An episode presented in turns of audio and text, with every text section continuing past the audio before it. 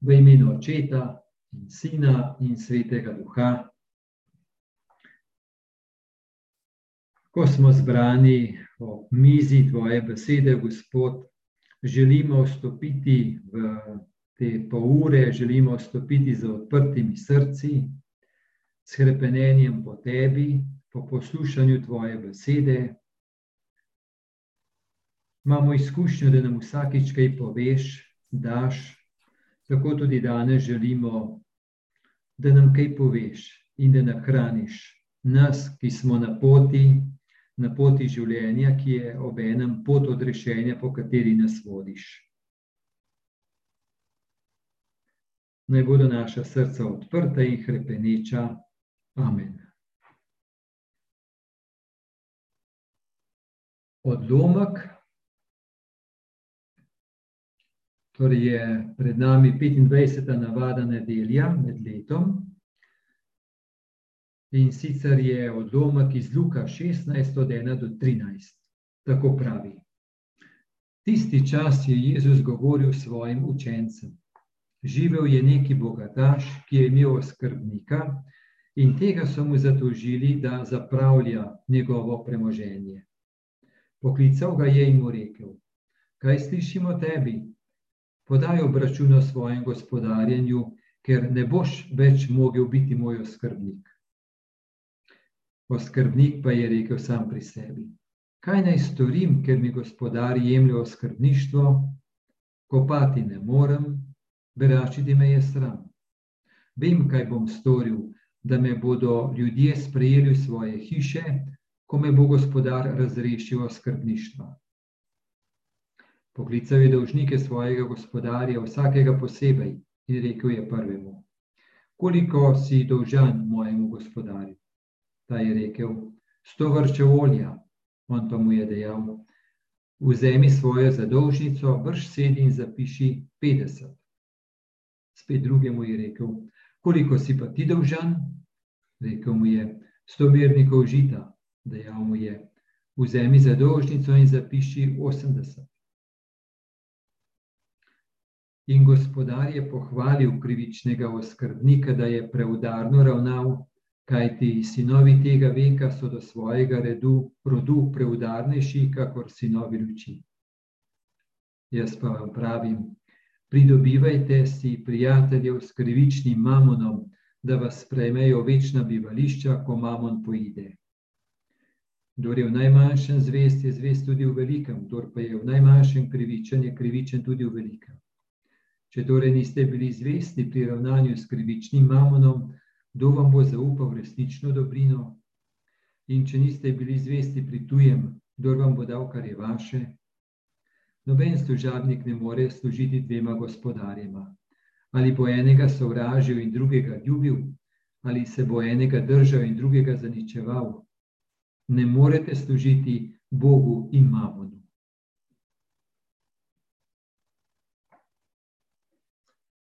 No, to je prilika, ki nam je dana za to nedeljo. Če imamo pred seboj sveto pismo, Luko Evangeli, vidimo, da je to sledi neposredno poglavju 15, kjer so tri prilike o božjem usmiljenju. Torej so prilike o izgubljeni ovci, o izgubljeni drahmi in pa o izgubljenem sinu oziroma usmiljenem očetu. No in potem takoj sledi tale prilika. In to priliko, kot tiste, podobno kot tiste prej naštete, ima samo Luka, drugi jih nimajo. Um, je pa to resnično ena izmed tistih prilik v Evangeliju, ki je nekako najtežje razumljiva. In zato ni čudno, da če beremo različne komentarje, nihajo od tega, da Jezus to priliko reče, um, kaj ne dela. Pomeni, da je ta krivični oskrbnik nekako opominja, da ne tako kot on.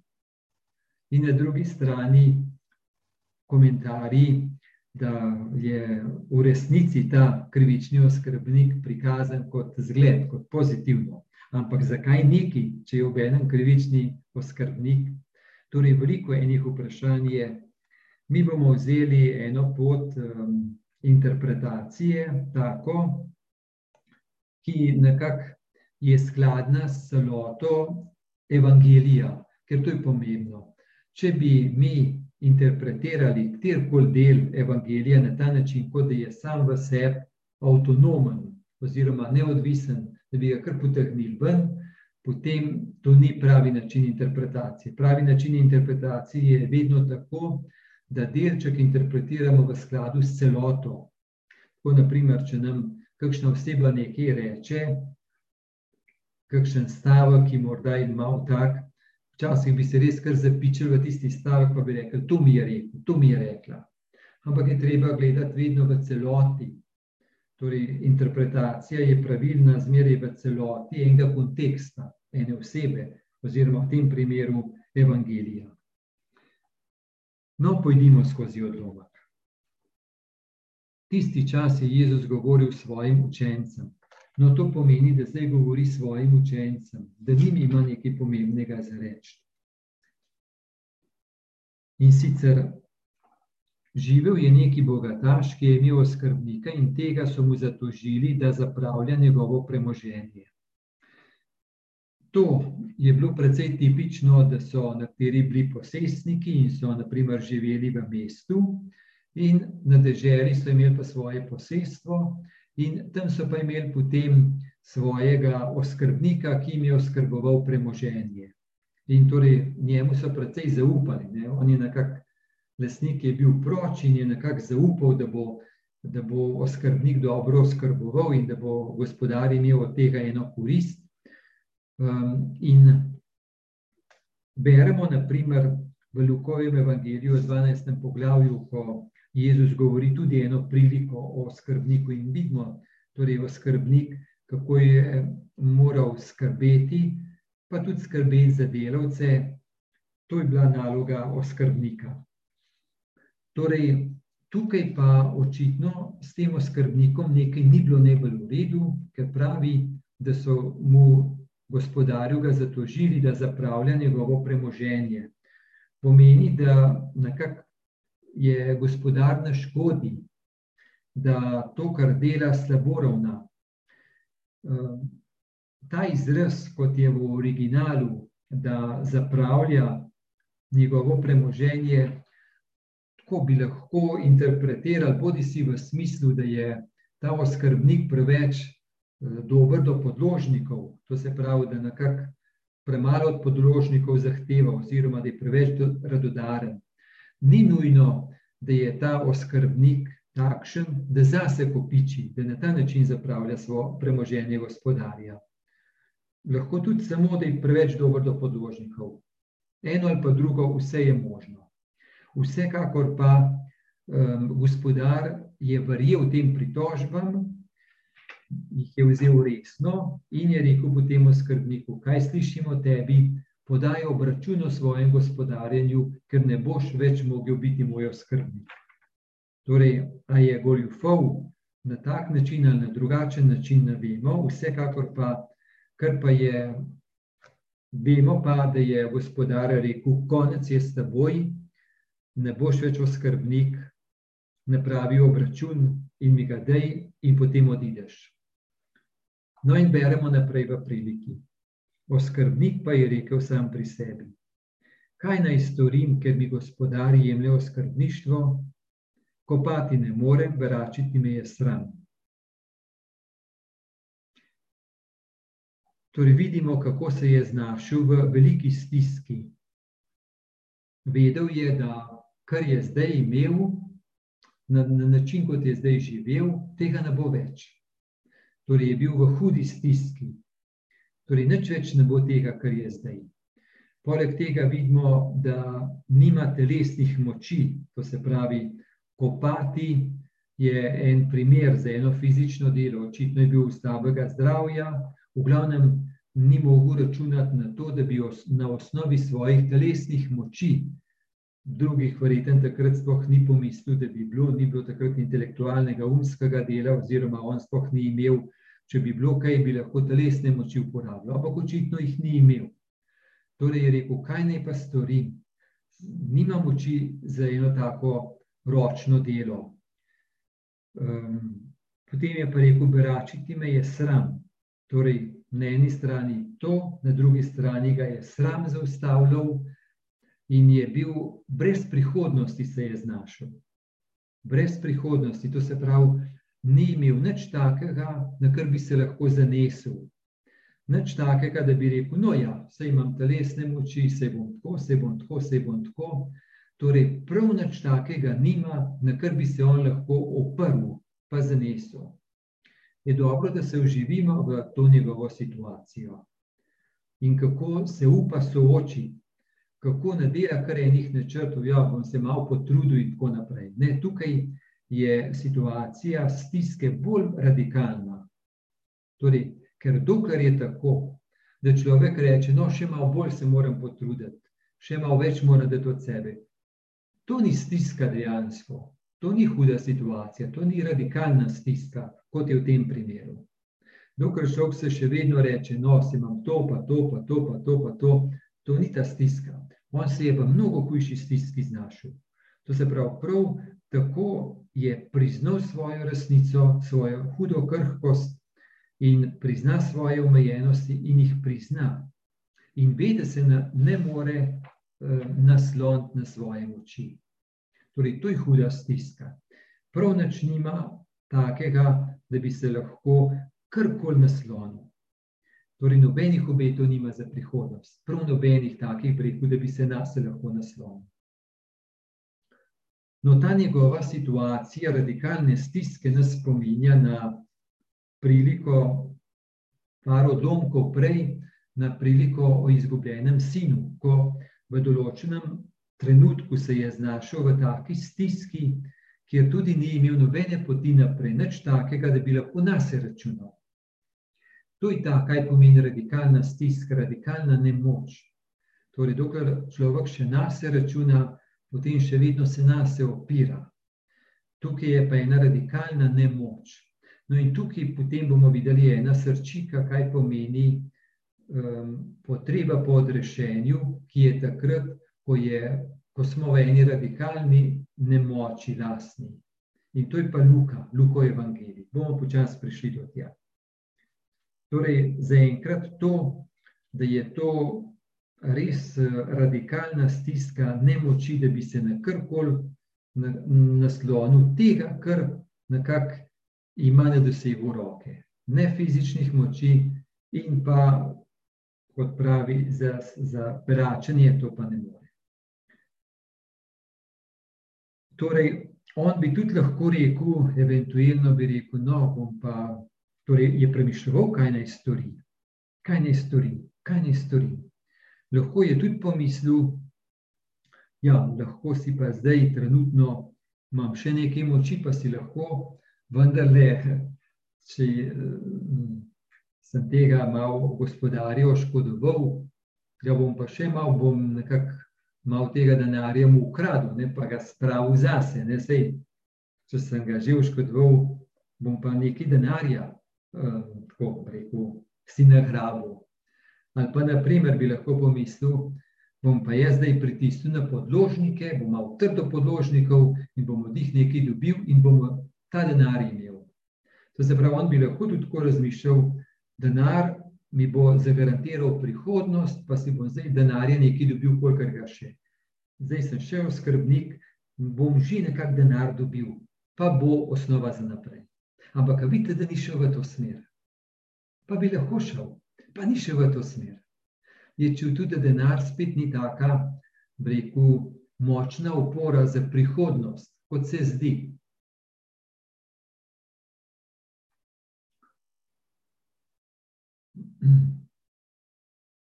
No, in kaj, je, kaj bo storil? Vem, kaj bom storil, da me bodo ljudje sprejeli v svoje hiše, ko me bo gospodar razrešil oskrbništva. Vidimo, ne, to se pravi, smo rekli, on bi si lahko nagrabil denar ali pa eno imetje, pa bo rekel, no to bo osnova za mojo prihodnost. Ampak je šel čisto v drugo smer. Je rekel, torej, moja prihodnost je garantirana iz ljudi, da me bodo sprejeli v svoje hiše. To se pravi, zanašal se bom na ljudi, na dobroto ljudi. To je moja gotovost za prihodnost. Pa čutimo to. No?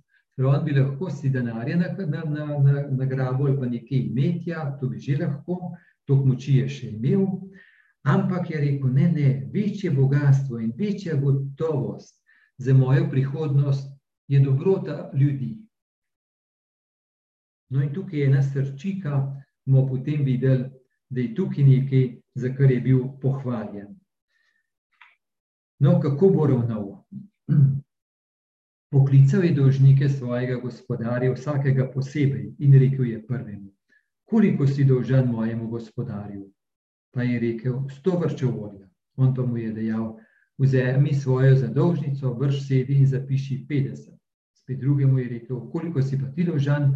Rekel mu je: Sto mernikov žita. Dejal mu je: Vzemi zadolžnico in zapiši 80. Torej, kaj vidimo, da je on naredil? On je rekel, zdaj, kar si bom jaz poskušal zagotoviti, si bom poskušal zagotoviti dobroto ljudi, naklonjenost ljudi, zavezništvo v ljudeh, prijateljstvo v ljudeh. To je najbolj gotova sila, kar jo je, najbolj gotova osnova za prihodnost. No, in vidimo, da je um, to, da je te dolgove, ki so jih bili podložniki, dolžniki, ki so jih bili, to se pravi, ki so bili dolžni svojim gospodarjem, da jim je on močno zmanjšal. Torej, ne za par procentov, ampak tako krepko, da kar škandalizira.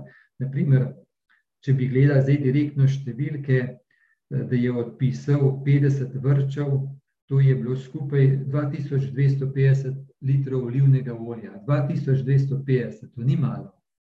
2250, to ni malo, ali pa naprimer 20 kadi žita, mernikov žita, to je, um, oziroma v originalu je kadi, je, to je 9000 litrov žita. Sprav, to niso mehne stvari. Sprav, res močno jim je odpustil. Zdaj, zakaj tako ravnov? Zakaj tako ravnov? Torej, jasno, da je on oškodoval svojega gospodarja je ga oškodoval, nekaj prej ga je že in zdaj ga je še enkrat. Očitno je rekel, no ja, gospodarja sem, že, sem ga že oškodoval, morda tudi zaradi tega, ker je preveč dajal podložnikom, ampak je rekel, ga bom pa še enkrat, se on ne bo niti presenečen, niti bom vse zgubil. Um, tako da dejansko bi rekel, lahko on se tudi zanaša na gospodarjevo dobroto. Da gospodar, da ne bo zdaj ravno preveč hud, tudi če bo hud, ampak ne bo preveč hud da ga ne bo v ječo vrgel. Torej, ima tudi eno zaupanje v gospodarja. Predvsem pa torej je to storil zato, da bi si pridobil dobroto pri ljudeh, prijateljstva v ljudeh. In da je to osnova njegove prihodnosti. No, zdaj pa stava, ki nas zelo preseneti v priliki. In gospodar je pohvalil krivičnega oskrbnika, ker je preudarno ravnal. Kaj ti sinovi tega veka so do svojega rodu preudarnejši, kakor sinovi luči. Torej, gospodar je pohvalil krivičnega oskrbnika, ker je preudarno ravnal. To nas zdaj zelo, zelo preseneti. In ta stavek je tisti v tej priliki, ki potem tako take različne interpretacije podaja. Torej, zakaj ga pohvali? Torej, pohvali ga pravi zato, oziroma pohvalil, ta izraz pomeni tudi potrdil. Epajni, to je, rekel, je prevedeno pohvalil, ampak lahko bi tudi bilo potrdil, sprejel. To se pravi, da je rekel gospodar, no, sem kar zadovoljen, da je tako naredil. Sem kar zadovoljen. Mi je kar všeč tako je pa rekel, pohvalil krivičnega oskrbnika. Torej, to imamo, ne, je ta oskrbnik je res krivičen, ampak je pohvaljen. In je pohvaljen, ker je preudarno ravnal. Preudarno ravnal. Preudarno ravnal. Zdaj, če mi beremo kaj je preudarno ravnanje v evangelijih. Ta izraz najdemo parkrat in sicer naprimer v tisti priliki, ki govori o hiši na skali ali pa na pesku v Mateju 6, Mateju 7. No, in tam pravi, da je preudarnost je pri tistem človeku, ki je gradil svojo hišo na skali. V tem smislu, da je preudaren, pomeni, da zna preudariti, pomeni, da zna dobro razmišljati, pomeni, da zna dobro ravnati, da dobro zna se postaviti v življenju, da je moder v tem smislu, preudaren. Eh, pa ta izraz je tudi v priliki v Mateju 25, ko, je, ko so device, pa so nekatere imele v svetilkah olje. Eh, to so prav, a so imele olje ali samo, oziroma svetilke, a so imele tudi olje ali pa ne. No, in tiste, ki so imele tudi olje, so preudarne. Pomeni preudarnost je en bogat izraz, en tak, ki reče, ta pa v globino, ta pa v globino zastopi stvari. Ta ima pa en uvid v prav v globino stvari. Ta pa zna nekako um, preudarno ravnati. Pa ve, kako so stvari v določeni situaciji, torej ta oskrbnik v, smo rekli, v strašansko radikalni situaciji nemoči, da je rekel gospodar, no, tale pa hm, me je uspodval, ampak kako je pa ravnal, to pa se kar ne more načuditi. To ga moram pa prav pohvaliti, tako je ravno. Me je uspodval, ampak če pa gledam način, kako je ravnal, kako je razmišljal, kako je reševal to situacijo, pa ne morem drugače ga pohvaliti. Ker tako ravnanje, to pa ni krpko. No, potem ta gospodar tudi doda, sinovi tega veka so do svojega rodu preudarnejši, kakor sinovi luči. Torej, ponovno ta preudarnost uporabljena. To, no, sinovi tega veka pomeni v tem smislu posveten človek, ki zna poskrbeti zase, za svojo eksistenco. Eh, kot je ta konkretni oskrbnik, ker dejansko ta konkretni oskrbnik, bi rekel, lahko rečemo, on je dobro znal poskrbeti zase, se znajdu v življenju. Um, to se pravi, je nekako znotraj tega življenja se gibo, zato pravi sinovi tega veka. Ta vek pomeni zemski vek. Potem, ko pa sinovi luči, uh, to so pa v tem smislu mišljeni tisti, ki so odprti Bogu, ki želijo živeti po Božje, ki se zanašajo na Boga, ki živijo vero. No in ta gospodar pravi, ni to zanimivo, če gledam tega svojega oskrbnika, se ne morem načuditi, kako je znal dobro ravnati in rešiti svojo stisko.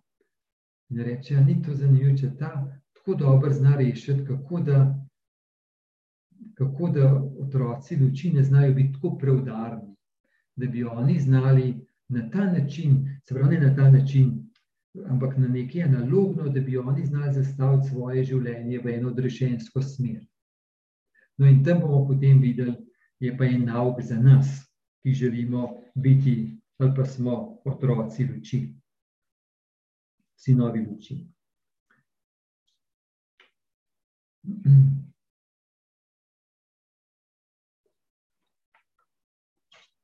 Naprej prilika pravi, pridobivajte si prijateljev s krivičnim mamonom, da vas sprejmejo v večna bivališča, ko mamon poide. Vidimo, ta beseda je krivični oskrbnik, zdaj pa krivični mamon. Torej, beseda mamon v svetem pismu je, tako jo najlažje prevedemo kot bogatstvo, posest, denar, imetje. Um, zdaj, krivični mamon, oziroma tako, ta mamon, imetje, bogatstvo, denar, posest, je precejkrat v svetem pismu uporabljen v tem smislu, um, da človek to malikuje da človek na to nasloni svojo eksistenco. Torej, da je bogatstvo ena trdna osnova življenja, da je posest denar trdna osnova življenja, da je to najbolj trdno, kar je in na kar naslonim svoje življenje. Torej, tako včasih je malo kritično um, prikazan ta mamon. Zdaj pravi krivični mamon um, in da ta mamon poide Torej, ta mamon v tem smislu je krivičen, zaradi tega, ker poide, zdaj je, ampak vendarle je vrljiv in minljiv. Torej, pridobivajte se, prijatelji, s krivičnim mamonom, da vas sprejmejo večna bivališča, ko mamon poide. Kaj zdaj to govori? Torej, ta mamon, bogatstvo, posez, denar, prav pri, s tem si pridobivajte prijateljev. Tem. Torej, govori rekel, za ta vek, ampak ob enem pa govori tudi za večna bivališča. Ko bi lahko rekli, kot da Jezus govori svojim učencem: Poglejte si nove tega veka, tega sveta, kako so modri, naučite se kaj od njih, da bi tudi vi znali biti tako preudarni. Ampak kot otroci luči za večnost. Torej, če so oni tako preudarni, da se znajo um, nasloniti v tem veku na odnose, da je to nekaj najbolj dragocenega. Kaj pa šele vi, ki ste otroci luči? Torej, učite se od njih. Zdaj, če gremo, zdaj pa ta korak naprej, kaj ta prilika nam govori, torej, sinovom luči. Lahko v tem smislu um, rečemo, um, oziroma naredimo en kratek uvod v tem smislu, ne, da, um, da ta gospodar je Bog in mi smo skrbniki, in Bog nam daje ogromno darov. In uh, je vprašanje, kako ravnamo s temi božjimi darovi kako skrbujemo božje darove. Če bo čas, se bomo potem malo vrnili k temu, potem, kaj pomeni, oziroma lahko tudi zdaj rečemo, kaj pomeni skrbovati in dobro ravnati z uh, božjimi darovi. Um, torej, da ravnamo na en način, kot Bog želi, ko pravi pri Pridobivajte se, prijateljev, s krivičnim mamonom, da vas sprejmejo večna bivališča, ko mamon poidejo v tem smislu. Kar imate, kar vam je zaupano, je dejansko en velik božji dar. In to, kar imate, svoje darove, sposobnosti, delite jih. Ampak ne samo delite jih, zato da si boste na tem svetu dobili eno zaslono. To delajo otroci tega sveta. Vi pa zakaj delite? Vi pa delite zaradi tega, ker vse to vam je zastonsko dano od očeta. Oče vam to daje. In vi delite, ampak delite ne zato, da boste dobili nazaj, ampak delite zastonsko. Živite darovansko ljubezen. Zaradi tega, ker večno ostane samo to, kar je darovano kar je podarjeno, ne z računico, ampak kar podarite. Ker kar podarite, to naredite v darovanski ljubezni, in edino, kar je podarjeno v darovanski ljubezni, ostane za večnost. To, to se pravi, če rekel, preudarni tega sveta znajo vse, kar imajo, investirati v odnose, zato da bodo oni imeli kakšno korist, se pa vi od, njega, od njih to učite, da boste vedeli, da kar je res smiselno in trdno, pa ne samo za ta svet, ampak za večnost, je darovanska ljubezen, darovanje in da iz tega, kar vi darujete, um, nastaja občestvo. Ne, da bodo nazaj, po, nazaj dali, ampak da kar darujete, to ostane za večno. To gre v večnost. To se pravi, v tem času, ko nam je še dan ta velik dar, ki ga oskrbujemo, dar življenja in mnoge darove, ki nam jih daje, da jih mi živimo v ljubezni, da jih delimo in da jih darujemo, in s tem raste občestvenost. In s tem raste nekaj božjega, božje kraljestvo, nekaj, kar zavedno ostane. To se pravi, da vse, kar imamo, da na kakšen način dopustimo, da ljubezen skozi to teče, da je to uporabljeno za občestvenost in za odnose. In to pravim, to ne bi pomešali, zdaj damo. To je un naredil. Zdaj pa govorimo za večnost, za darovanskost. Torej, vse to, kar imamo, mnogo enih darov, življenje in pa mnoge darove, da so nam dani ne zato, da bi mi na tem gradili, ampak da bi vse to, kar imamo, da bi to šlo v odnose. In pravim v te odnose, no, to se pravi podarjeno. Upam, da sem to dosti podaril, da ne bi rekel, ja, vse zastopam, ja, če bom jaz dovolj do drugih, vse tako se splača, se bom dobil nazaj. Ne, tukaj gre za darovansko, to se pravi, ostane zares tisto, kar je, uh, kar je darovano, kar je podarjeno. To je pa razlika, ne, to se pravi, če človek misli, imam to, kar kontroliram, imam, kar imam pod seboj. To. Ja, ne, v Evangeliju, Kristusov način je čist drugačen. Zares imam to, kar darujem, kar podarim, kjer ljubim, kjer steče skozi to, skozi moje življenje, pa skozi darove, kjer steče darovanska ljubezen, to zares ostane. To je pa gotovo ena bistvena novost Evangelija. Da torej je Kristus, ki se daruje, in da Kristus, ki se daruje, ustane kar je darovano, ostane za vse. Ker ga drži zase, bo itak propadel, bo itak struhnil, bo itak zamrl. Ampak to, kar pa daruje človek, to pa ostane v Bogu za vse, je shranjeno večno ljubezen. Torej, mi, kakršni koli skrbniki, že smo vredno, če pogledamo na ta način, kako mi oskrbujemo božje darove. Verjetno lahko tudi priznamo, da smo malo krivični, ne da Kaj pomeni krivični oskrbnik? Pomeni, da si darove tudi prilas, prilaščamo. Kaj pomeni prilastici dar? Prilastici dar, naprimer, si misel, imam določene darove in zdaj na osnovi tega mislim, da sem ne vem kaj in da sem kaj več kot drugi. Imam lahko kar nekaj darov, prilastici jih pomeni, no, jaz pa sem nekaj, jaz pa imam kar eno fej življenje, ti so pa taki namarni. Pa tako, to pomeni prilastici dar za sebe, se povzdigovati na druge in ne prepoznati, da je vse skupaj, vse skupaj prav milostni dar. Mi mislimo, tudi če se mi potrudimo, da smo mi tisti. Ja, dokler človek ne prizna, da tudi to, da ima človek eno moč za potruditi se, pa ustrajati, da je to dar, to je milost. Človek si pa kar to, kar to prilosti, reče, jo ja, je vse, un je pa lenuh, pa se ne.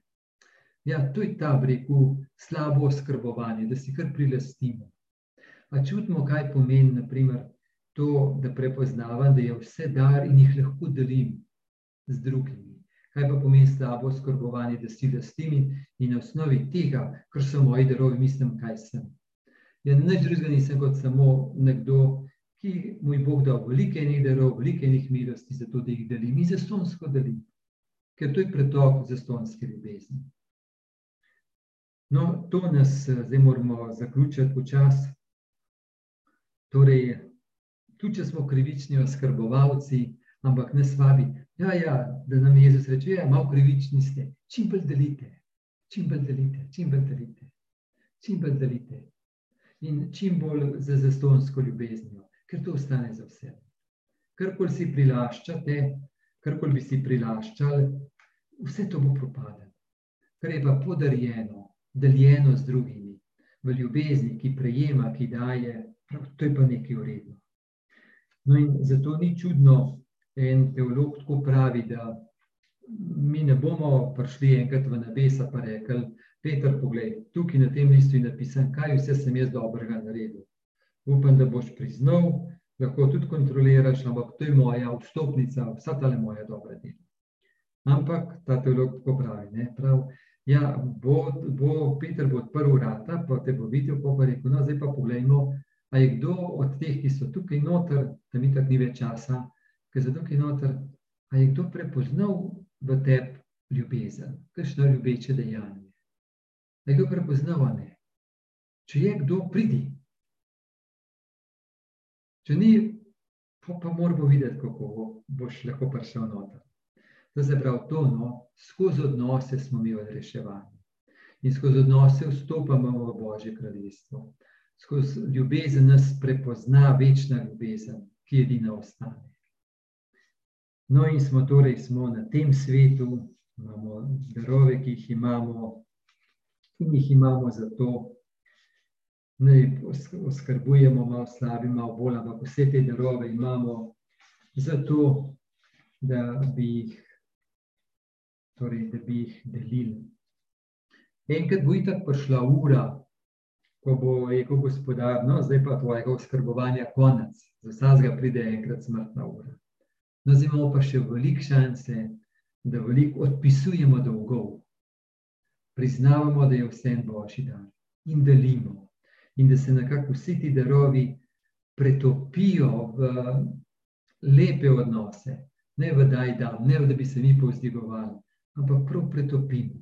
No, in to je Božje kraljestvo in to je odrešenost. In v tem smislu je ta prilika, ki pravi: Učite se od njih. Zdaj mi nimamo časa, če bi mi samo to, no, če bi mi šli naprej, pogledati naslednji odlomek, govori o farizejih in tam, eh, ko govori o farizejih, tam bi videli, da je ta interpretacija, da je res homogena, eh, organsko povezana z vsem tem kontekstom 15. pa 16.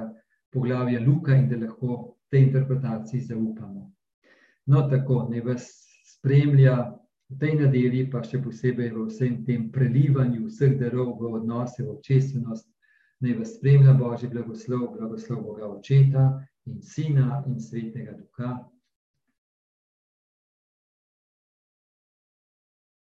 Z Bogom.